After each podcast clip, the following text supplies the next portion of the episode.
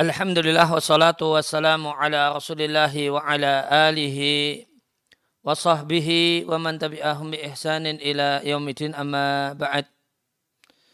Kaum muslimin dan muslimah rahimani wa rahimakumullah. Kembali kita lanjutkan membaca dan mentalaah kitab Tazkiratus Sami' wal Mutakallim fi Adabil Alim wal Muta'allim kaya Badruddin Ibnu Jama'ah rahimallahu taala. Kita sampai di halaman 216. Pembahasan tentang adab yang kedua bagi seorang guru berhubungan dengan muridnya. Kalau musannif rahimallahu taala asani adab yang kedua hendaknya seorang guru tidaklah menolak untuk mengajari muridnya atau siswanya li'adami khulusi niyatihi karena ketiadaan keikhlasan niatnya karena niat yang bagus itu marjun lahu diharapkan didapatkan bi barokatil ilmi dengan keberkahan karena sebab keberkahan ilmu. Salah satu ulama salaf mengatakan talabnal ilma li ghairillahi fa'aba ayakuna illa lillahi. Kami mencari ilmu dengan niat untuk selain Allah, namun ilmu tersebut enggan kecuali karena Allah. Kila dikatakan makna kalimat ini adalah fakana akibatuhu ansara lillahi. Maka adalah kesudahannya niat tersebut berubah menjadi karena Allah. Wali anak ikhlasan niyati lau surita fi ta'limil mubtadi'ina. Karena niat yang ikhlas seandainya itu jadi syarat mengajari pemula dalam menuntut ilmu. Ma'usrihi ala kathir minhum. Padahal niat yang ikhlas itu satu hal yang sulit bagi banyak orang. La'at dzalika niscaya hal tersebut menyebabkan ya, membuang ilmu, ya, kathiran banyak, ya, membuang banyak ilmu minan nasi dari banyak orang.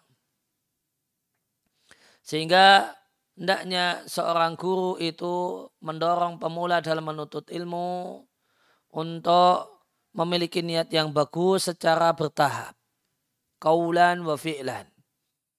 Ya, eh, mendorong dengan ucapan dan dengan perbuatan. Wa yu'alimuhu hendaknya guru mengajari muridnya Bada unsi setelah nyaman nyamannya si murid bi dengan guru bahwasanya bi barokati husni niati dengan keberkahan niat yang bagus seorang itu akan mendapatkan kedudukan yang tinggi dalam ilmu dan amal. Dia akan mendapatkan curahan lataif. Dia akan mendapatkan curahan berbagai macam kebaikan wa anwa'il hikami dan berbagai macam hikmah wa tanwiril qalbi dan hati yang bercahaya dada dan lapang kemudian taufiqil azmi kemudian tekad diberi taufik untuk memiliki tekad wa isobatil haqi dan bersesuaian dengan kebenaran dan baiknya keadaan. Wa tasdidi fil maqali.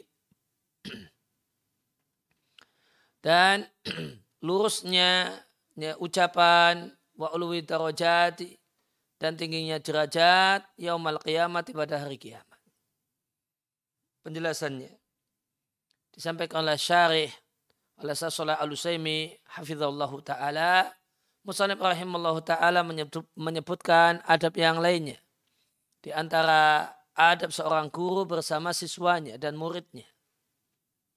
Yaitu tidak menolak untuk mengajari e, seorang siswa karena dia tidak memiliki niat yang ikhlas. Maka jika seorang guru itu itola'a mengetahui dengan indikator tertentu bahwasannya uh, pelajar ini bukanlah orang yang uh, tulus niatnya dalam mencari ilmu, maka tidaklah sepatutnya bagi guru untuk menolak mengajarinya karena dua alasan yang telah disebutkan oleh Musannif rahimallahu taala. Alasan yang pertama, niat yang baik itu diharapkan dengan keberkahan ilmu dan belajar. Karena seorang itu akan bagus eh, akan bagus niatnya ba'du setelah itu dengan keberkahan ilmu yang dia pelajari. Dan ini adalah makna perkataan sejumlah ulama salaf, ini bukan hanya satu namun ya, sejumlah orang. Kami pada awalnya menuntut ilmu bukan karena uh, karena Allah, namun ilmu itu enggan, tidak mau dituntut dan dicari kecuali karena Allah. Artinya kami menuntut ilmu dan kami tidak punya niat padanya. Kemudian muncullah niat dengan keberkahan ilmu. Kama dzakara hadal makna makna semacam ini disebutkan oleh sejumlah ulama semacam Abil Abbas Ibn Taimiyah dan muridnya Abu Abdullah Ad-Zahabi fil akharin dan yang lainnya. Alasan yang kedua, Seandainya niat yang ikhlas itu menjadi syarat mengajari pemula dalam menuntut ilmu, niscaya ini akan menyebabkan penghilangan e, ilmu dari banyak orang. Alasannya karena sulitnya ikhlas bagi pelajar film badik di awal. Di awal perjalanan menuntut ilmu, sebagaimana kata musannif rahimallahu taala ma'usrihi ala kathirin minhum menimbang sulitnya ikhlas bagi banyak dari mereka dan sulitnya ikhlas film mabadi di awal perjalanan menuntut ilmu itu disebabkan dua perkara yang disebutkan oleh Al Husain ibn Mansur di kitabnya Ada bil Ulama wal Muta'allimin. Yang pertama lemahnya jiwa pemula dalam penuntut ilmu. Karena pemula dalam penuntut ilmu itu memiliki jiwa yang lemah. Gambarannya sebagaimana bayi ketika dilahirkan pertama kali memiliki badan yang lemah, fisik yang lemah. Maka demikian juga e, tuntutan-tuntutan yang ditujukan kepada hati. Idza dakhala insanu jika seorang itu memasuki fiha dalam tuntutan-tuntutan hati, ilmu dan yang lainnya di awal pertama kalinya maka keadaannya adalah dia adalah seorang yang lemah jiwanya. Karena jiwanya belum terdidik dan belum mengetahui tujuan dari menuntut dan mencari yang dicari ini, yaitu ilmu dalam hal ini. Sebab yang kedua sulitnya ada niat yang ikhlas di awal menuntut ilmu adalah kilatu uh, kilatu unsihim. Sedikitnya kenyamanan mereka dengan faktor-faktor yang menyebabkan perbaikan niat. Artinya tidak ada ilmu bagi mereka dan tidak ada pengetahuan yang mereka miliki dengan hal-hal yang dengannya terwujud perbaikan niat. Sehingga kenyamanan mereka dengan faktor-faktor tersebut sedikit li'adamil ma'rifati karena belum adanya pengetahuan.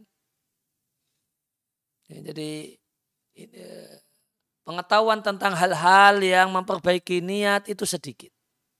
Belum banyak. Nah inilah yang menyebabkan penuntut ilmu di awal perjalanan menuntut ilmu sering kesulitan untuk memiliki niat yang benar.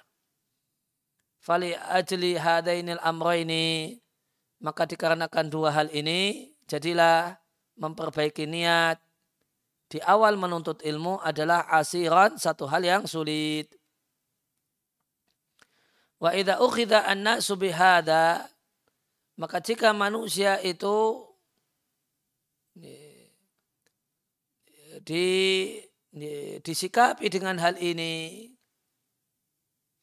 yaitu harus memiliki niat yang benar baru belajar maka yang terjadi fatal ilmu kathiran. Maka hilanglah ilmu. Pada banyak dari mereka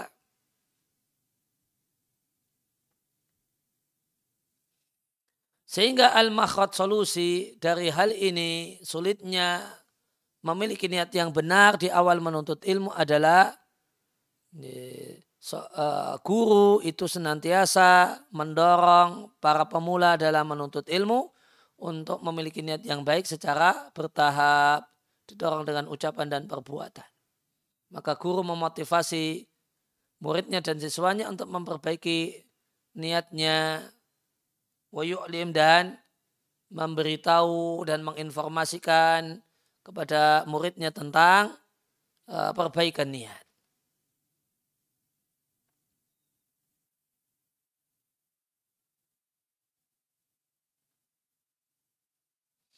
Karena keberkahan niat yang baik itu akan jadi kiat agar seorang mendapatkan derajat yang tinggi dalam ilmu dan amal.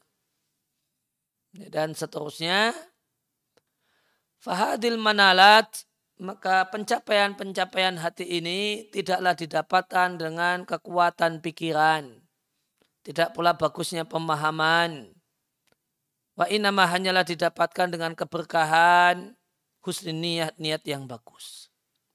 Karena seorang itu jika bagus niatnya, maka dia mampu untuk melakukan berbagai macam perkara yang itu tidak mampu dilakukan tanpa niat yang baik. Orang Arab mengatakan an-niyatu matiyatun. Niat itu bagikan kendaraan. Maka siapa yang menggemukkan kendaraannya, siapa yang menggemukkan kendaraannya, maka kendaraan itu akan mengantarkannya ke tempat aman yang dia tuju. Dan siapa yang memiliki kendaraan yang kurus, yang ketaat bihi fitariq, maka dia akan terputus di tengah jalan. Maka faktor yang paling membantu seorang hamba untuk mencapai apa yang dia inginkan adalah memperbaiki niat. Karena seorang itu jika baik niatnya,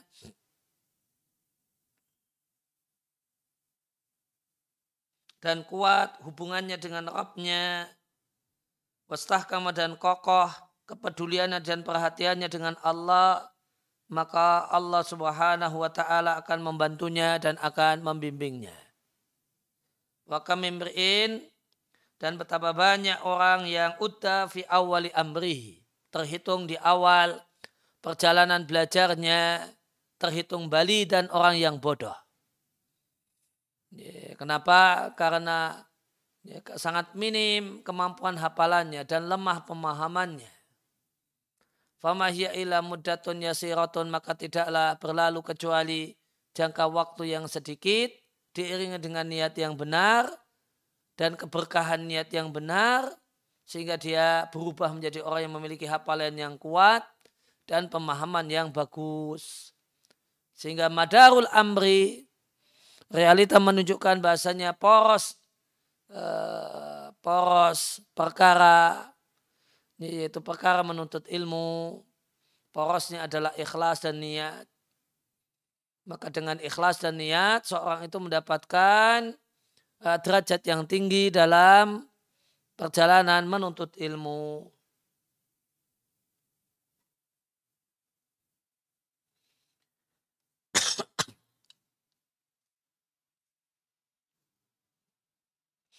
Kemudian kalau musanifu rahimallahu ta'ala adab yang ketiga hendaknya guru memotivasi muridnya tentang ilmu dan menuntut ilmu di banyak waktu dan di banyak kesempatan. Ya, berarti selalu memotivasi. Sering-sering memotivasi murid untuk uh, belajar dan sungguh-sungguh belajar. Dengan menyebutkan apa yang Allah siapkan untuk para ulama min mana zilil karamat berupa kedudukan kemuliaan Dan bahasanya mereka para penuntut ilmu atau para ulama adalah ahli waris para nabi. Dan mereka itu akan berada di mimbar-mimbar dari cahaya. Sehingga para nabi dan para suhada pun iri dengan mereka. Dan semacam itu. Dan keutamaan-keutamaan yang lainnya. Mimma warata yang terdapat dalam fadlil ilmi wal ulama. Keutamaan ilmu dan ulama. Berupa berbagai macam ayat Al-Quran. Hadis Nabi. Kemudian asar perkataan dari salaf. Serta berbagai macam bait syair. Demikian juga guru memotivasi muridnya ma'adhalika di samping memotivasi untuk semangat menuntut ilmu juga memotivasi untuk bertahap untuk melakukan hal-hal yang bisa membantu untuk terwujudnya ilmu. Nah, apa itu alat bantu untuk terwujudnya ilmu?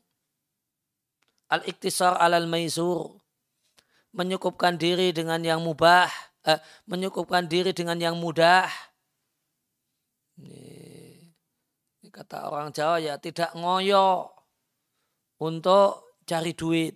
Ini. Wa qadril kifayati minat dunya. Dan kadar yang cukup dari dunia. Nah, maka dunia itu ada ya, kadar yang cukup dan ada kadar yang mewah.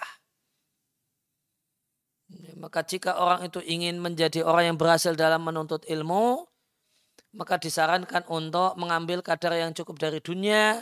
Setelah itu sisa waktunya, sisa tenaganya ya, ya, dihabiskan untuk ilmu.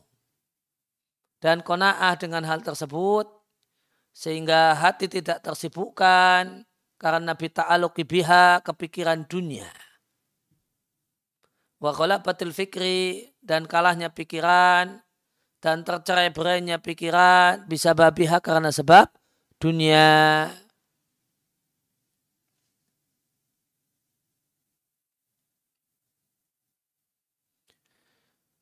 Ya karena insirafil qalbi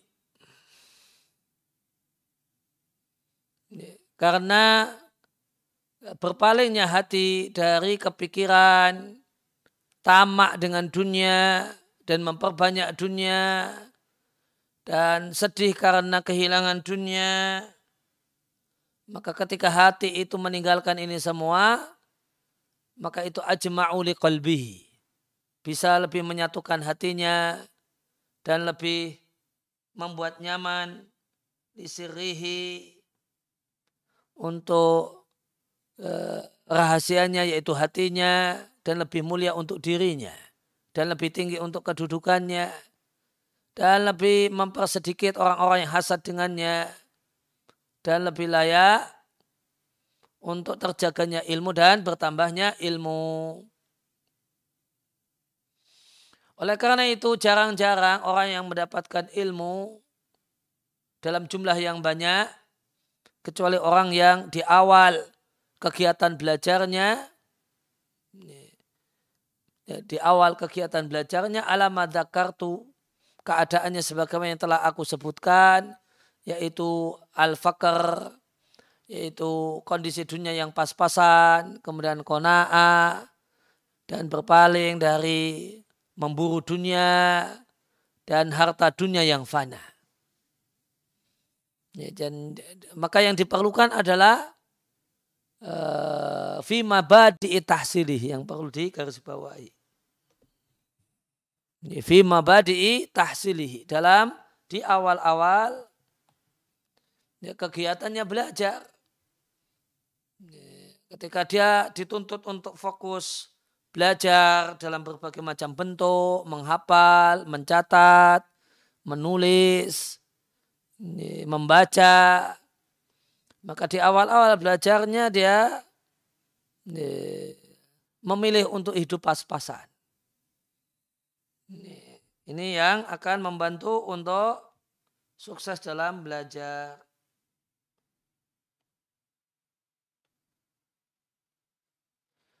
Ya, di awal-awal belajar artinya ada waktunya.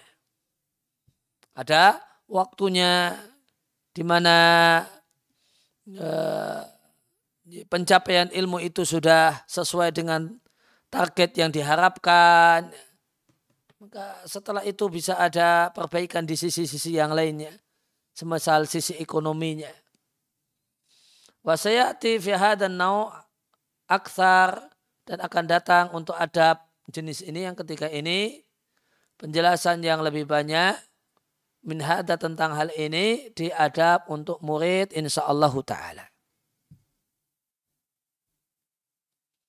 Kalau syarif wafakahullahu musanib rahimullah ta'ala menyebutkan adab selanjutnya berkenaan dengan adab seorang guru dengan muridnya yaitu memotivasi murid untuk uh, semangat uh, dengan ilmu dan menuntut ilmu di mayoritas kesempatan dan memotivasi murid untuk belajar dengan menyebutkan berbagai macam kelebihan dan kedudukan yang akan didapatkan oleh orang yang belajar.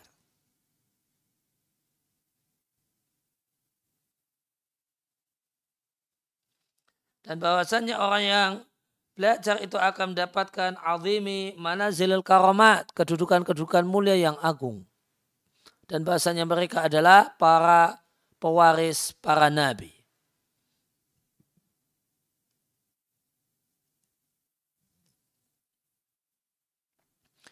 maka a'zamu muharikin, penggerak yang paling efektif. Yang sepatutnya diperhatikan oleh penuntut ilmu. Ketika dia menggiring dan membawa dirinya kepada ilmu. Ada dua faktor. Yang pertama, an-nadharu fi fadailil ilmi. Memperhatikan dan merenungkan keutamaan-keutamaan ilmu. Maka siapa yang uh, merenungkan keutamaan-keutamaan ilmu marotan ba'da marotin berkali-kali maka tekadnya akan tergerak untuk mencarinya dan memburunya. Karena jika seorang itu wakofa'ala, wakofa'ala artinya mengetahui. Mengetahui apa yang Allah siapkan bagi para penuntut ilmu di dunia berupa nama baik dan di akhirat uh, zikril al-jamil saya terjemahkan bebas dengan nama baik. Dan di akhirat berupa pahala yang banyak, maka jiwanya akan menginginkan agar termasuk bagian dari para penuntut ilmu. Dan realita menunjukkan bahwasannya orang yang mengajarkan ilmu, menyebarkan ilmu di tengah-tengah masyarakat, itulah orang yang mendapatkan nama baik. Nama baik yang awet, lain hanya dengan orang kaya, nama baiknya ya semata-mata adalah selama kaya. Nanti setelah jatuh miskin, nama baiknya hilang. Ya, banyak pejabat, ya nama baiknya ya ketika saat menjabat. Setelah tidak lagi menjabat, nama baiknya hilang. Adapun nama baik karena ilmu, karena ya, maka nama baik karena ilmu itu lebih awet. Kemudian yang kedua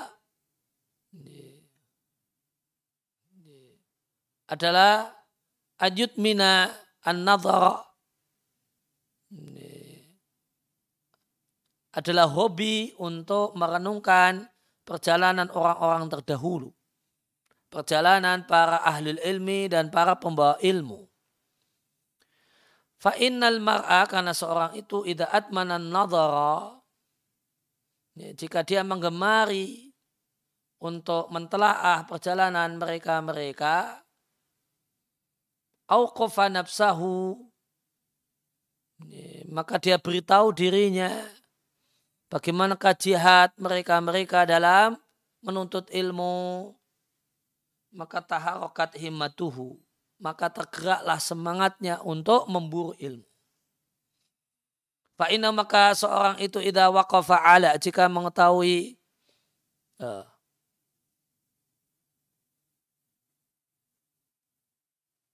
taharokat uh, ya, uh, taharokat nafsuhu maka akan tergeraklah jiwanya untuk meneladani mereka.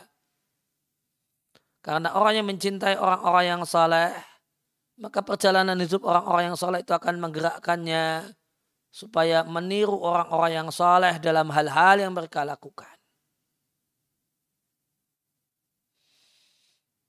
Sehingga perkara ini upaya dan keinginan untuk meniru orang-orang yang saleh itu akan membuat ringan baginya. Ma yajituhu apa yang dia jumpai berupa keterasingan di antara banyak orang. Fa'inal mar'a karena seseorang itu idaftaqada jika kehilangan ya, akronan banyak kawan yang membersamainya dalam satu ya, dalam satu aktivitas alat yahtarifu fiha yang dia berprofesi di dalamnya maka karena kehilangan kawan taghayyarat nafsuhu. Banyak orang yang berubah. Ya, banyak orang yang berubah. Ini uh, ini kaidah jiwa. Jika seorang itu kehilangan banyak kawan yang dulu membersamai dalam aktivitas yang sama,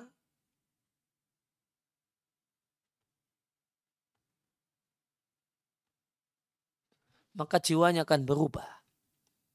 Ingkobado akan mengkerut, ya, tidak lagi energik dan happy, khatiruhu hatinya. Faidah tola'a halaman sabaka, ketika dia mentelaah keadaan orang-orang terdahulu miman yusyarikuhu yaitu keadaan orang-orang yang membersamainya. Dalam sina'at al-ilmi ya, dalam ya, mencari ilmu dalam aktivitas keilmuan uh, dalika nafsahu maka dengan itu dia kuatkan dirinya. Tentang hal ini Ibnul Qayyim rahimallahu taala mengatakan Fal basiru maka orang-orang yang betul-betul melihat asodik yang tulus tidak akan merasakan ketidaknyamanan karena sedikitnya kawan bahkan tidak pula karena ketiadaan kawan. Nah ini penting ini. Jadi kalau orang itu mau rajin maka dia akan berbeda dengan kawannya. Kawannya ngobrol, dia belajar. Kawannya tidur, dia melek, meringkas, melek, mencatat, melek, membaca ulang pelajaran. Maka dia tidak punya kawan. Maka dia tidak punya kawan. Ketika temannya eh, kumpul-kumpul, dia milih menyendiri. Ketika uh, kawannya itu uh, ke sana dan kemari, berkegiatan ke sana dan kemari, dia milih untuk sendiri. Nah, maka ya, seorang penuntut ilmu yang sukses harus seperti ini, harus yang sebagaimana dikatakan oleh Ibnul Qayyim.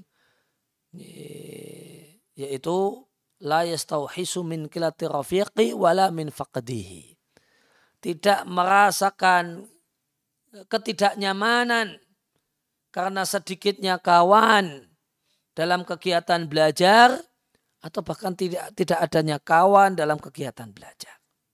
Syaratnya al-basir as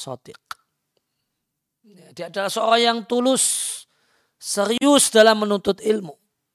Dan dia adalah seorang yang basir, seorang yang melek.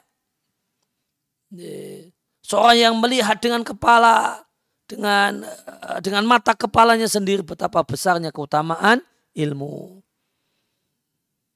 Ya, maka orang yang al-basir asadik inilah yang ya tidak apa-apa tidak punya kawan. Bahkan malah dia memilih untuk tidak punya kawan dalam belajar. Ya, karena eh, karena dia jumpai banyak orang kalau kalau punya kawan dalam belajar nanti malah ketergantungan dengan kawannya. Ya, nanti akan mengalami ketergantungan dengan kawannya, kawannya berangkat dia berangkat, kawannya males dia ikut males. Maka al-basir as-sadiq itu bahkan memilih untuk nggak usah ada kawan. Dia pilih belajar sendiri saja. Supaya sejak awal dia tidak uh, mengalami ketergantungan dengan kawan. Maka jika seorang penuntut ilmu itu hatinya merasa dibersamai oleh generasi pertama, yaitu dibersamai oleh ulama-ulama terdahulu yang mereka adalah orang-orang yang semangat menuntut ilmu.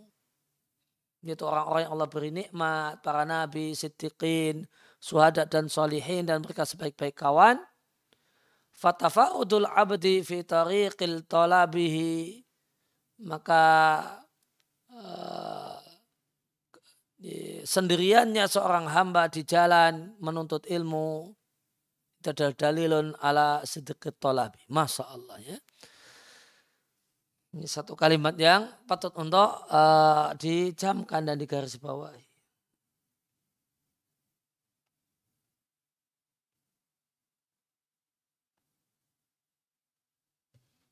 Fatafarudul abdi. Sendiriannya seorang hamba. Sendiriannya seorang penuntut ilmu. Fi tariqi tolabihi. Di jalan dia memburu ilmu adalah bukti kalau dia adalah seorang yang serius mencari ilmu. Seorang yang nyaman-nyaman saja, yang happy-happy saja, yang fine-fine saja. Berangkat sendiri ke tempat belajar, belajar tidak harus belajar kelompok, belajar bersama. Non dia bisa enjoy-enjoy saja belajar sendirian. Di tengah-tengah kawannya tidur semua. Di tengah-tengah dia mojok sendirian di tengah-tengah kawannya asik uh, ngobrol dan berbincang. Maka ini adalah bukti ala sedekut tolabi. Ya, keseriusan dan ketulusan dalam mencari ilmu, memburu ilmu intaha kalamuhu. Sekian perkataan Ibnu Qayyim. Maka jika seorang itu memandang bi'ainil basirah dengan dengan mata al-basirah ilmu. Memandang bagaimana keadaan para ulama terdahulu dan keadaan mereka. Wa makanu alihi. Dan bagaimanakah keadaan mereka dalam menuntut ilmu maka akan maka akan ringan baginya al-ghurbatu keterasingan yang dia jumpai di dunia. Karena orang yang menyerupai orang-orang yang mulia itu berada dalam keberuntungan. Sebagaimana kata seorang penyair, fatasabau ilam takunu mislahum, inna tasabuha bil kiramil falahu. Ya, tirulah mereka, serupalah dengan mereka jika engkau tidak semisal mereka. Karena meniru dan serupa dengan orang yang mulia itu keberuntungan. Kemudian Musanib rahimallahu ta'ala menyebutkan hal yang tercakup dalam adab ini, yaitu guru memotivasi murid-muridnya untuk mencukupkan diri dengan yang mudah. Rezeki yang mudah untuk didapat, dan kadar cukup dari dunia serta merasa kona'ah dengannya. Karena dunia itu ghararah menipu, dia manis dan hijau. Dan jika dunia duit itu menguasai hati, maka e, dunia ini akan membuat larut hati dalam harus dunia. Maka keadaannya sebagaimana dikatakan oleh Musannif rahimahullah ta'ala. Ya, mu'alilan ketika beliau memberikan beralasan. Ketika hati itu bersih dari ketergantungan, memikirkan ketamaan dengan dunia dan memperbanyak dunia dan sedih karena kehilangan dunia, maka ketika hati itu bersih dari hal ini, maka hatinya akan bisa lebih fokus ay ajma'u akan membuat hatinya itu fokus ala tolabi maksudihi untuk memburu dan mencari apa yang menjadi maksud hatinya. Wa arwahu li sirihi di siri di sini diartikan batin. Aksaru irahatan lebih banyak membuat nyaman batinnya.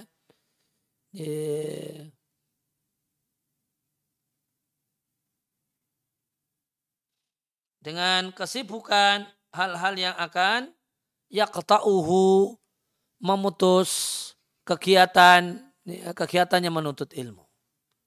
Wa asraf dan lebih mulia untuk jiwanya dan lebih tinggi untuk kedudukannya.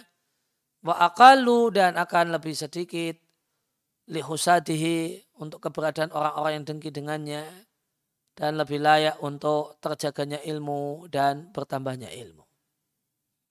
Karena seorang itu jika sedikit dari sedikit hadu minat dunia, bagiannya dari dunia, kemudian dia tahan dirinya dari dunia, maka istirahat nafsuhu, jiwanya akan nyaman dari mencari dunia. Ya, dan dia kumpulkan hatinya fokus kepada maksud yang teragung ya dia yang dia ingin mendapatkannya yaitu ilmu. Walidhalika oleh karena itu maka keadaannya sebagaimana kata penulis. Jarang-jarang orang yang mendapatkan ilmu dalam jumlah yang banyak kecuali di awal-awal kegiatan belajarnya keadaannya adalah hidup yang pas-pasan, kona'ah dan berpaling dari memburu dunia dan harta dunia yang fana karena tersibuknya hati dengan hal tersebut di awal-awal belajar itu akan memutus dirinya untuk uh, antolabil ilmi untuk mencari ilmu. Jadi maka orang yang di awal-awal belajar itu kalau bisa jangan dalam bahasa kita jangan kenal duit. Kalau orang itu di awal belajar itu kenal duit, maka dia akan berhenti belajar akhirnya sibuk dengan cari duit. Tapi kalau orang itu di awal-awal belajarnya dia tidak kenal duit. Dan dia tidak perhatian dengan duit. Sehingga belajar, belajar, belajar, belajar. Akhirnya dia mencapai target yang dia harapkan. Baru setelah itu dia memperbaiki sisi ekonominya. Maka ilmunya sudah mapan. Ketika dia mulai memperbaiki ekonominya dan ketika ilmu ya, ekonominya mengalami perbaikan.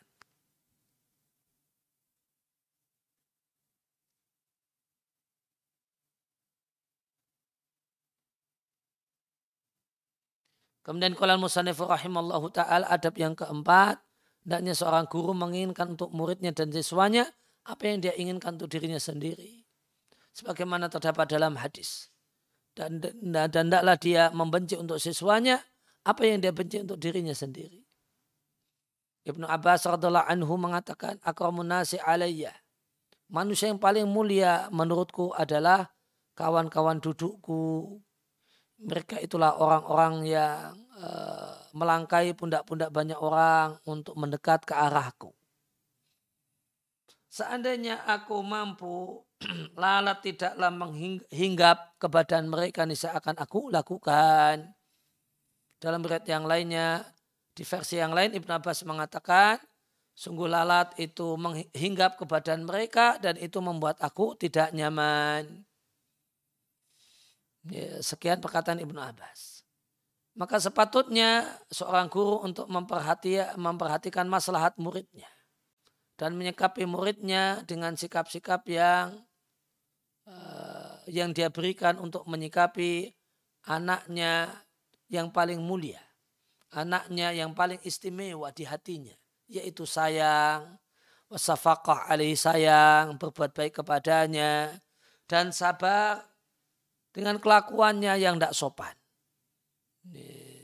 Rubama waqa'a minhu yang boleh jadi terjadi, eh, itu terjadi pada siswanya ini.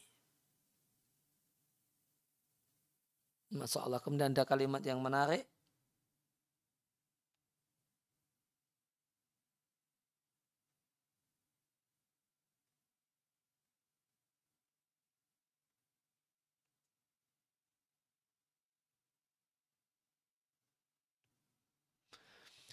Ini satu satu kaidah dalam hidup yang wajib dipegangi oleh para guru, para ustadz, para kiai, para dai, dan manusia secara umum. Karena kita berinteraksi dengan manusia. Guru berinteraksi dengan siswa-siswanya, yang siswa-siswanya itu manusia. Nah kalau kita berinteraksi dengan manusia, wajib menyadari tabiat manusia, Gimana tabiat manusia? Wa naqsun la yakadu yakhlul insani anhu.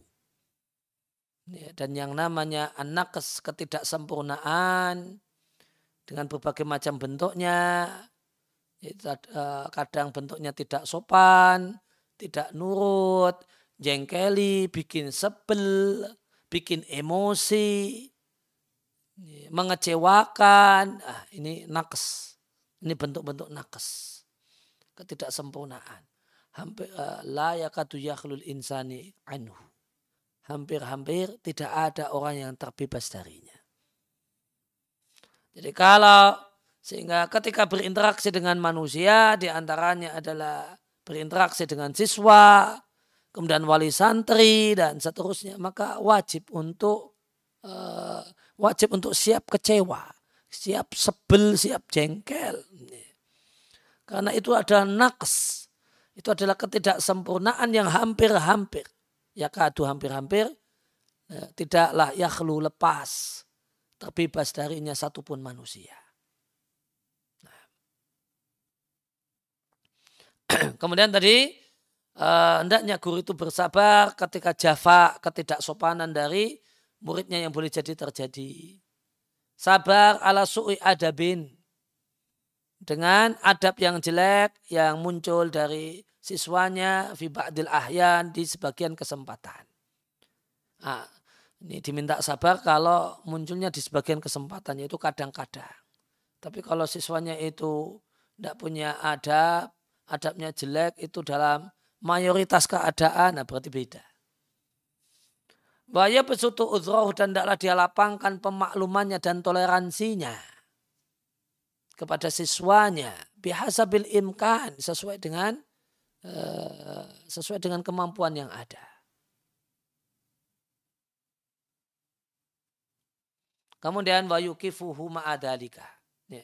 Di samping guru itu bersabar, ma'adalika, dalikanya kembali kepada sabar. Hendaknya yukifuhu, guru itu memberitahukan pada murid. Masodaro minhu, tentang apa yang muncul dari dirinya. Dia sampaikan, wahai muridku, ya, mas, ya, tadi jenengan, tadi anda, tadi antum, gini, gini, gini, gini. Nah ini ini kurang sopan semacam ini. Ini kurang beradab. Ya saya sih tidak apa-apa. Ya. Namun ya artinya saya itu tidak apa-apa, artinya saya maafkan. Tapi ya jangan diulangi lagi. Ya. Maka yukifuhu dia beritahukan. Dia beritahukan kepada siswanya, masodaro minhu. Ya, perbuatan tidak baik yang muncul darinya. Binusin, diberi nasihat, watalatufin diberi sikap yang lembut. Nah, ingat wala bitaknifin tidak tidak dikasari wala wata'asufin dan kasar. Apa niatnya? Qasi dan bidalika dia berniat dengan hal tersebut husna tarbiyatihi. Mau mendidiknya dengan baik. Watahsina khuluqihi ingin memperbaiki akhlak siswanya dan ingin memperbaiki keadaan siswanya.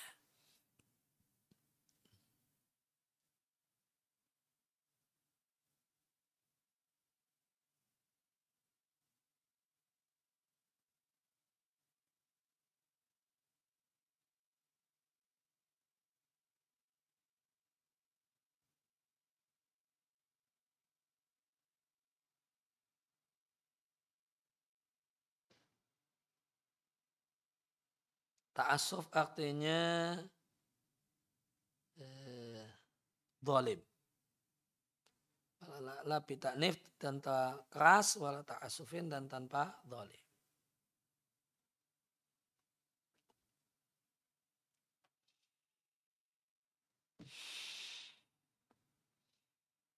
Ya, kemudian gimana cara nasihati siswanya? Ini maka lihat-lihat kondisinya. Cara menasihati siswa agar eh, memperbagus adab dan menyadari kesalahan. Fain arafadhalika. Jika siswa itu sudah mengetahui hal tersebut karena dia cerdas, dia tahu bil isarati dengan isyarat, maka tidak perlu ila sorehil ibarati. Ini kalimat yang belak-belakan. Namun jika siswa yang tidak faham hal itu, kalau dia melakukan kekeliruan, dan harus memperbaiki sikap Dia tidaklah faham hal tersebut ila bisarihiha. Kecuali dengan kata-kata yang belak-belakan, maka atabi. Maka adalah guru uh, mewujudkannya, melakukannya. Ya, mengucapkan yang belak-belakan. Dia sampaikan secara belak-belakan, namun ingat waro'at daruja. Perhatikan bertahap fitalatufi dalam sikap yang lembut.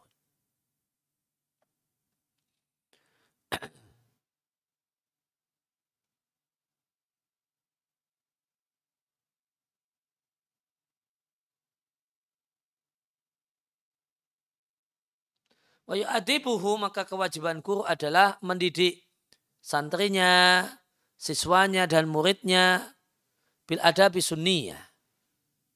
Dengan adab-adab yang sesuai dengan sunnah. Wa yuhariduhu dan memotivasinya untuk memiliki akhlak yang diridai. Dan berpesan kepadanya untuk melakukan hal-hal yang bil umuril urfiyah, selaras dengan budaya alal awda'i syar'iyah sebagaimana keadaan syariat. Sebagaimana ya, budaya yang sesuai dengan syariat gitu terjemah bebasnya. Budaya-budaya yang sesuai dengan syariat.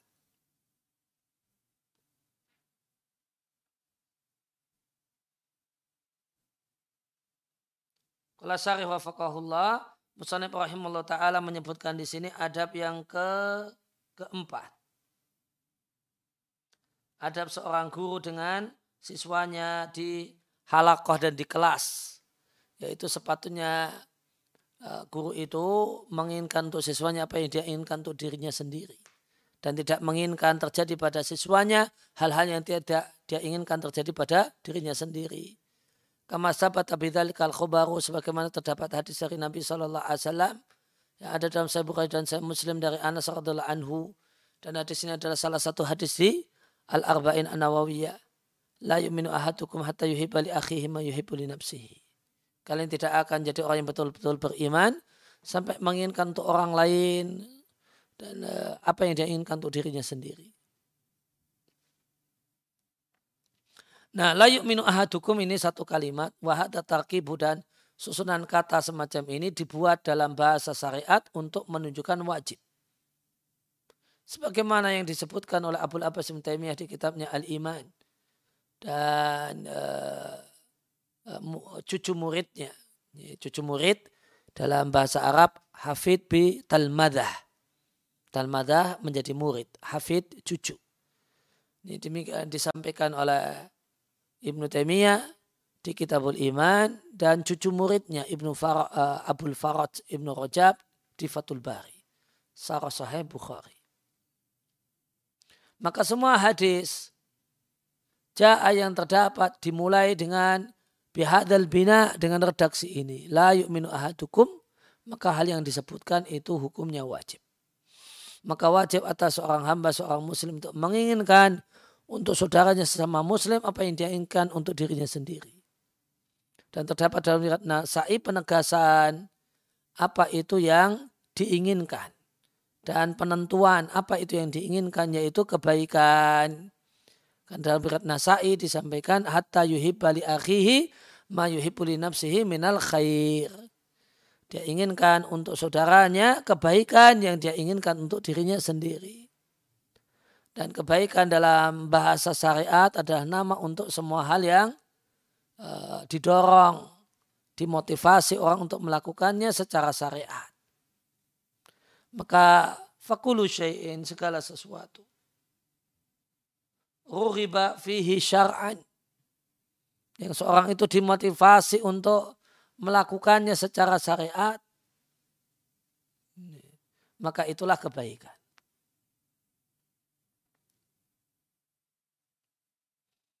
Ila akan tetapi kebaikan yang syariat memotivasi untuk melakukannya itu ada dua macam. Yang pertama adalah kebaikan yang sempurna, yaitu yang tidak memuat kejelekan abadan sama sekali. Yang kedua adalah kebaikan yang mukoyat, kebaikan yang bersyarat. yaitu merupakan kebaikan dari satu sisi tanpa sisi yang lainnya. Contoh kebaikan jenis yang pertama adalah menegakkan sholat. Dan contoh kebaikan jenis yang kedua, kebaikan di satu sisi namun tidak baik dari sisi yang lain, contohnya adalah harta dan anak. Maka menegakkan sholat dan memburu ilmu adalah kebaikan yang sempurna. Adapun mengumpulkan harta, mendapatkan harta, kemudian adzofaru, biduriyatin, ya, berhasil memiliki, mendapatkan keberhasilan, keberuntungan berupa keturunan, berupa uh, anak, maka ini adalah kebaikan uh, yang mukoyat. Fakat yakunu mamduhan khairan mamduan boleh jadi merupakan kebaikan yang terpuji dari satu sisi waqad yakunu syarran madmuman min wajin akhar dan boleh jadi juga kejelekan yang tercela dari sisi yang lainnya. Walladhi yatanazzalu 'alil hadisu bila qaidin maka hadis tersebut diposisikan maka kebaikan yang hadis itu diterapkan padanya bila kaidan tanpa syarat adalah kebaikan yang sempurna. Maka inilah yang semestinya seorang muslim menginginkan. Uh, maka inilah yang wajib bagi seorang muslim untuk menginginkan untuk saudaranya sesama muslim. Sedangkan untuk kebaikan yang muqayyad Maka jika seorang itu tahu secara pasti atau punya sangkaan kuat bahasanya saudaranya, idza ta'ata dzalikal khaira. Jika mendapatkan kebaikan tersebut, kebaikan itu akan membahayakannya, maka tidaklah wajib baginya untuk menginginkan hal tersebut bagi saudaranya. Namun jika dia punya sangkaan kuat, idza tawassa'a fi dunyahu kalau saudaranya itu mendapatkan kelapangan dunia, maka itu akan melemahkan agamanya. Maka tidak wajib bagi kita untuk menginginkan baginya kelapangan dunia. Kemudian Musanib rahimahullah ta'ala membawakan untuk membenarkan pesan ini. Satu riat yang sahih dari Ibnu Abbas yang diriatkan oleh Al-Khatib Al-Baghdadi di kitabnya Al-Faqih wal Mutafaqih. Dan diriatkan oleh Al-Kharaiti di Makarimul Akhlaq. Ibnu Abbas mengatakan, manusia yang paling mulia menurutku adalah kawan-kawan dudukku yang melangkai pundak-pundak banyak orang ilayya untuk mendatangiku. Seandainya aku mampu, lalat tidaklah hinggap di badan mereka, ini saya akan aku lakukan.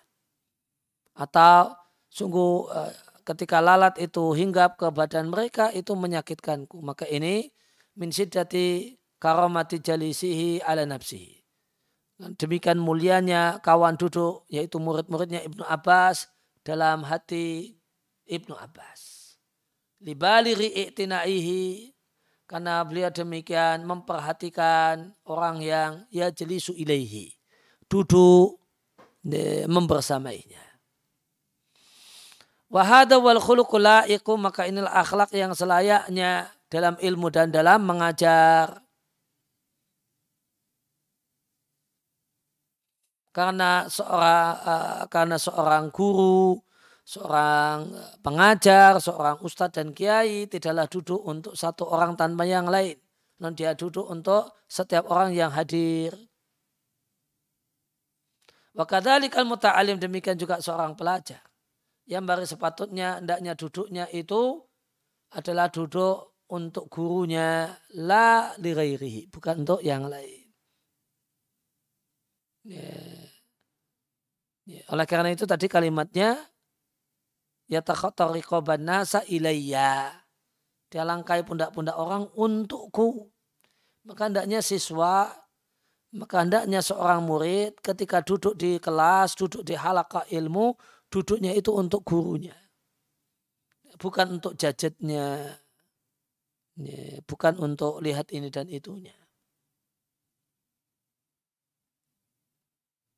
Fal mu'alim maka seorang guru alladhi yatakhayyaru khatirhu yang hatinya itu berubah. Eh, wa yad'ufu ada'uhu penyampaian ilmunya itu melemah bil kilati karena sedikitnya yang hadir atau semangat. Bil kasroh karena banyak yang hadir. Fahada mulahidun hadza afrati minal muta'allimina.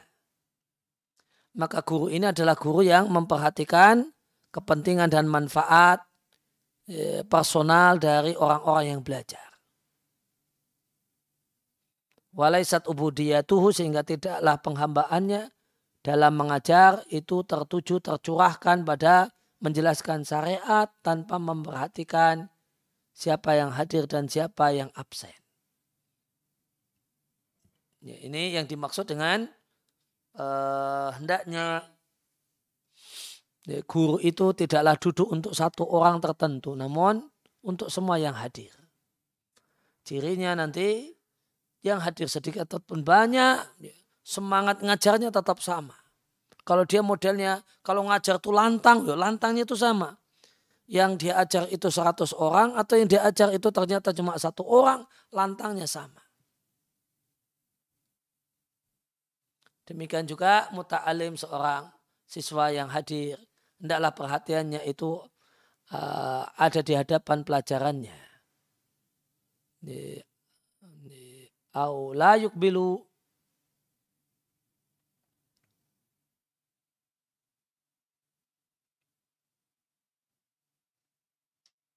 ya hendaknya uh, ya, perhatiannya baina yadaihi fi darsihi baina uh, maka demikian juga siswa yang kehadirannya itu inti bau perhatian itu baina baina makanya.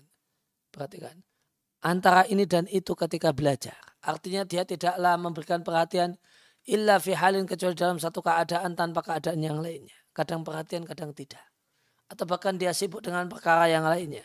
Sibuk dengan mobil lewat, sibuk dengan sibuk dengan motor lewat, sibuk dengan siapa yang lewat, sibuk dengan makanan yang lewat, sibuk dengan HP, malah nerima telepon ketika pelajaran. Fahada da'iful iqbali. Makanya adalah orang yang lemah perhatiannya terhadap majelis pelajaran. Harusnya dia tinggalkan itu semua sehingga totalitas perhatiannya tertuju pada pelajaran. Maka setiap kali sempurna perhatian antara guru dan murid, maka akan sempurna Eh, pengambilan manfaat yang didapatkan.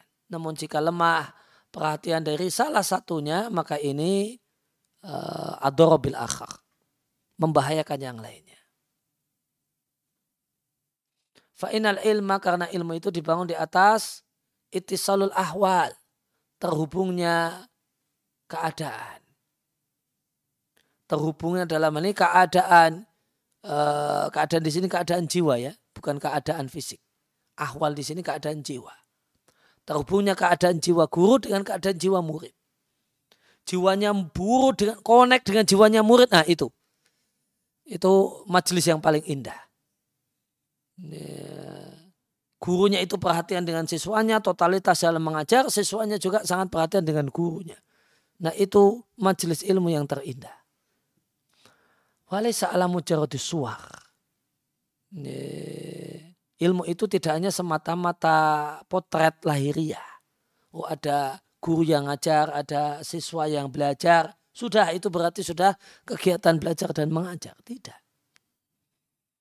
Ini kegiatan belajar mengajar itu ditentukan, kualitasnya ditentukan oleh itisalul ahwal. Ini terhubungnya keadaan batin antara guru dengan siswa.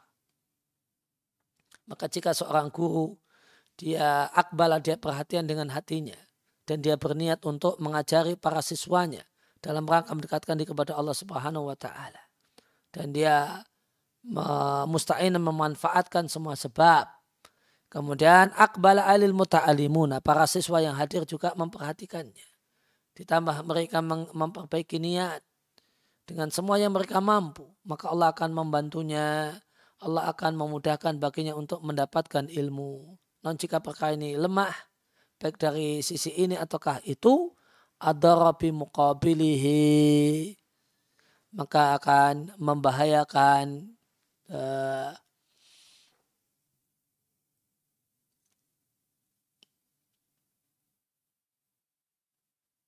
membahayakan pasangannya. Kemudian Muslim rahimallahu taala menyebutkan di antara hal yang yaltahiku bima mata yang bisa digabungkan dengan apa yang telah lewat. Ditambahkan dengan apa yang telah lewat, sepatutnya seorang guru itu perhatian dengan kepentingan siswanya. Dan menyikapi siswanya sebagaimana dia menyikapi murid yang atau anak yang paling istimewa ada al-hunu. Hunu dimaknai dengan al-ataf. Uh, kepedulian. Kemudian sayang dan berbuat baik. Hal itu dikarenakan karena siswa itu adalah aula duruhi. Yeah. Murid itu anak ideologis, terjemah bahasa Indonesia demikian. Anak ideologis. Sebagaimana duria anak dan cucu itu auladul badan. Anak biologis.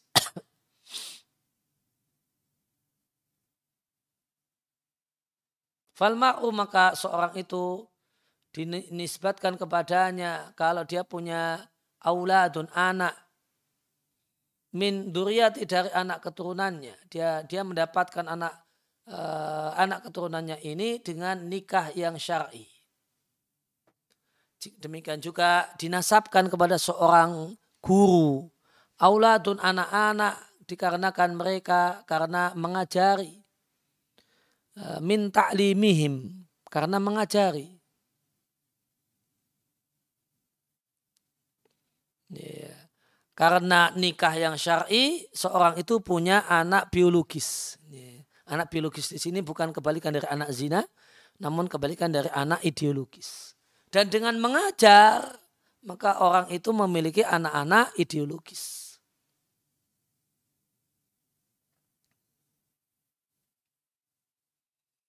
Ya, maka dengan mengajar, maka yaltahiku nabihi.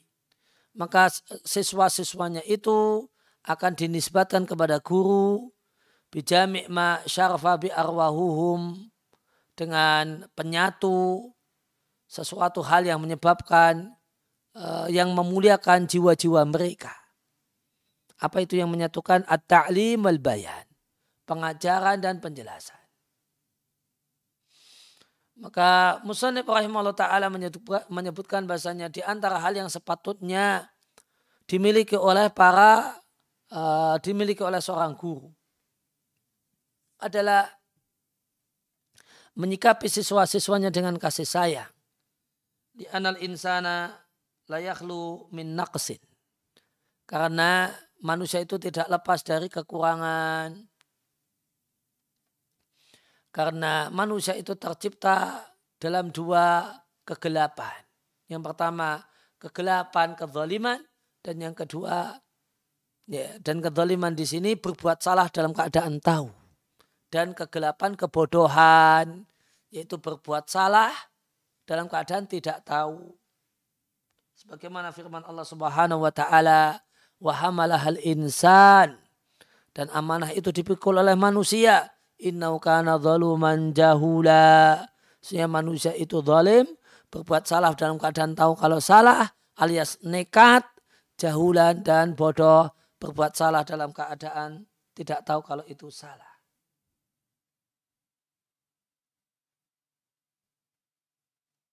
Maka siapa yang tercipta dalam dua kegelapan ini, maka dia tidak sempurna wala raibatan paragu. Sehingga manusia itu perlu untuk dididik dan dididik, diberi bimbingan dan diajari dan disikapi dalam semua perkara dengan sikap yang layak baginya. Wa aula dalika dan hal yang uh, paling utama dalam hal itu adalah uh, dia beritahukan kepada orang tersebut masodara minhu hal yang keliru yang muncul dari dirinya. Dengan nasihat dan kelembutan.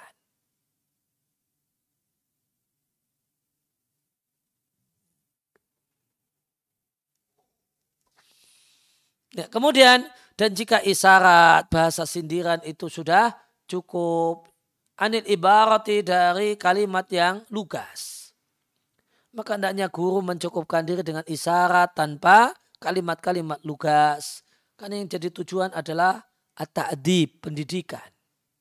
Dan jika apa yang diinginkan sudah terwujud dengan cara apa pun, maka karena had, maka itulah yang jadi maksud menurut syariat.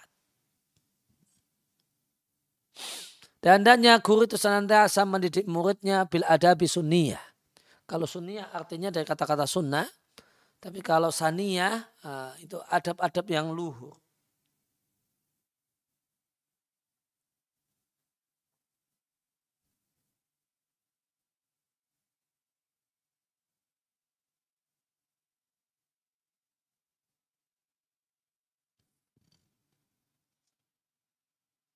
Ya, kalau sunni ya nisbat kepada sunnah.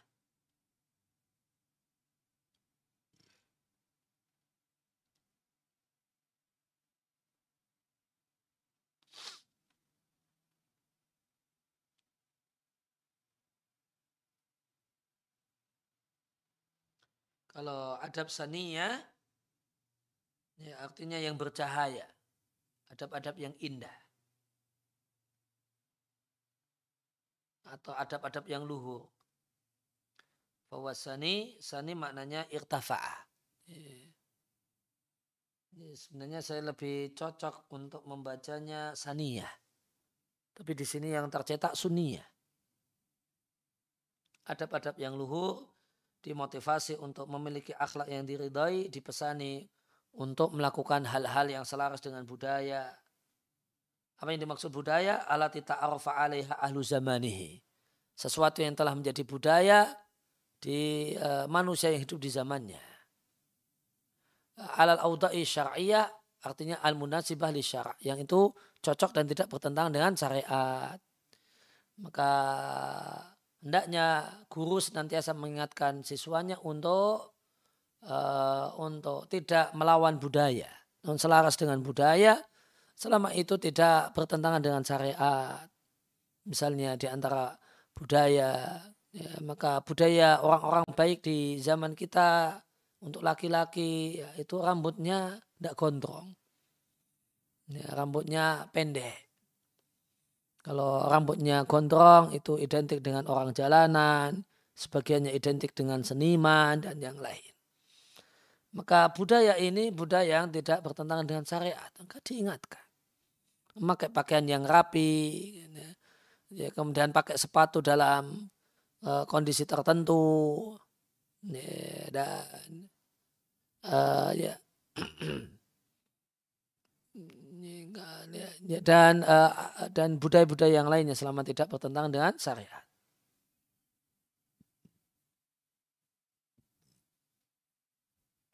Maka kewajiban seorang guru bukan hanya menyampaikan maklumat, menyampaikan informasi semata. Transfer informasi bukan. Transfer informasi kepada para siswa. Supaya ditelan oleh para siswa.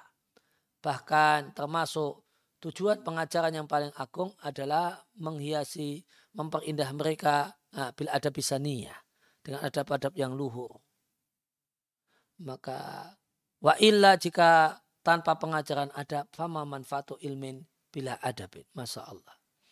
Ini kalimat yang patut untuk dijamkan. Kalau tanpa adab, tanpa sopan santun, tanpa sikap-sikap yang baik, maka apa manfaat ilmu tanpa adab? Apa manfaat ilmu tanpa adab? Ya, ada, artinya ya tidak ada manfaat ilmu tanpa adab. Orang itu pintar namun kurang ajar, tidak ada manfaatnya. Tidak akan dicintai, tidak akan disukai. Ya, orang itu orang yang uh, orang yang bagus pemahamannya, ya, tokcer hafalannya, dia tidak punya uh, tutur kata yang baik, sikap-sikap yang menyenangkan. Apa gunanya? Tidak ada gunanya. Bahkan la yakunul maru aliman hatta yakunu mu'addaba. Allahu akbar. Seorang itu tidak akan jadi orang yang berilmu sampai dia ada orang yang bagus adabnya.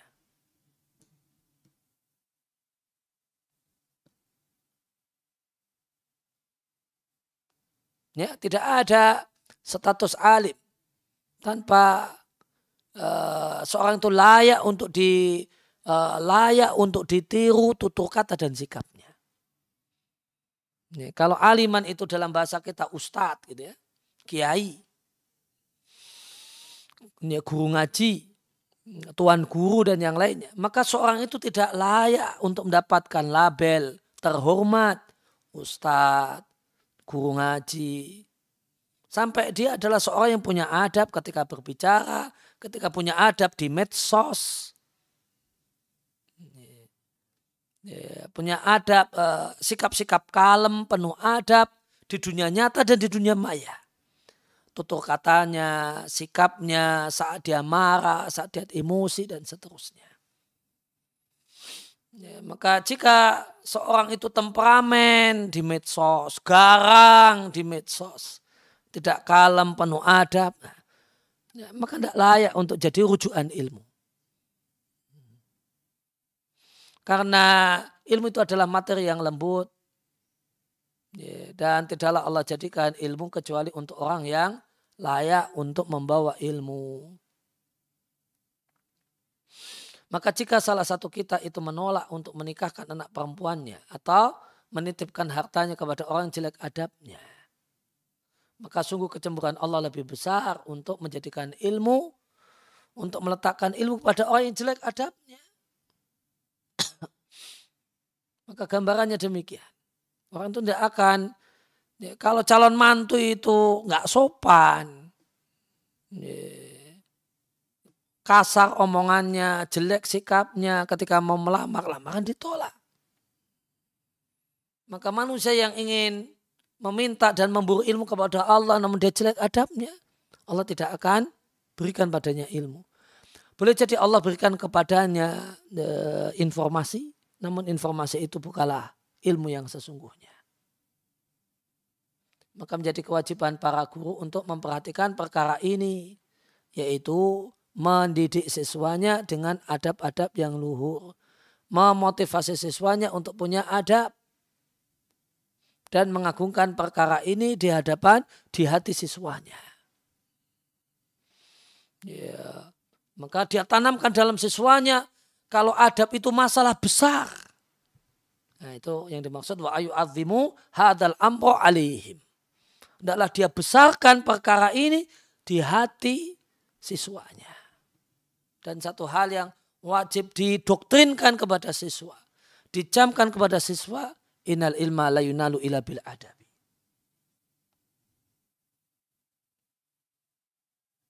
Ilmu agama itu tidak akan diperoleh kecuali dengan adab. Ilmu itu tidak akan diperoleh kecuali ketika seorang itu ketika hadir di kelas, hadir di majelis ilmu, hadir dengan adab, dengan sopan. Maka adab ketika di kelas, adab dengan guru, Demikian juga adab dengan buku dan sarana ilmu. Maka ainal ilma la yunalu ila bil adab. Ini satu kalimat yang harus didoktrinkan, harus dicamkan ke dalam hati para siswa. Dan kalimat ini asalnya adalah perkataan sejumlah ulama salah tentang hal ini Yusuf ibn Husain mengatakan bila adabi tafhamul ilma dengan adab engkau akan faham ilmu. Karena sebagaimana kata Ibnul Qayyim, adabul mar'i unwanu sa'adati wa falahihi. Karena adab seseorang ketik dengan orang lain itu tanda kalau dia orang yang bahagia dan orang yang beruntung. Wakilatu adabi unwanu syakawati wa bawarihi.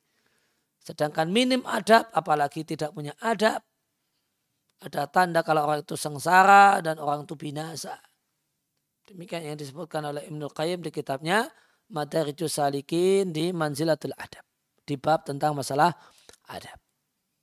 Ya, demikian nasihat-nasihat yang luar biasa tentang pentingnya adab bagi penuntut ilmu. Tidak ada sukses belajar tanpa beradab dengan guru. Baik adab dengan guru ketika di dunia nyata ataupun di dunia maya. Dan adab ini meliputi uh, adab itu adalah tutur kata yang baik, sikap-sikap yang uh, ya tutur tutur kata yang baik, sikap-sikap yang indah itu adab. Ya, maka adab itu berputar pada tutur kata yang baik, sikap-sikap yang indah, ya, dan perbuatan-perbuatan yang uh, perbuatan-perbuatan yang luhur. Tiga unsur ini. Sikap, perbuatan, dan ucapan. Maka tiga ini hanya berputar pada hal yang baik, yang indah, dan yang bagus. Itulah adab. Dan dengan adab, hanya dengan adab seorang mendapatkan ilmu. Dengan adab, maka engkau akan faham ilmu. Semoga Allah subhanahu wa ta'ala jadikan kita orang-orang yang memiliki adab-adab yang indah, baik adab di dunia nyata dan dunia maya, adab terhadap guru, adab terhadap siswa, adab terhadap uh, uh, adab kemudian ketika kita berada di kelas, baik kelas online ataupun kelas offline. Amin. Sallallahu ala nabiyina Muhammadin wa ala alihi wa sahbihi wa salam. Wa akhu da'wana alhamdulillahi rabbil alamin. Subhanakallahumma wa bihamdika. Asyhadu an la ilaha illa anta astaghfiruka wa atubu ilaik.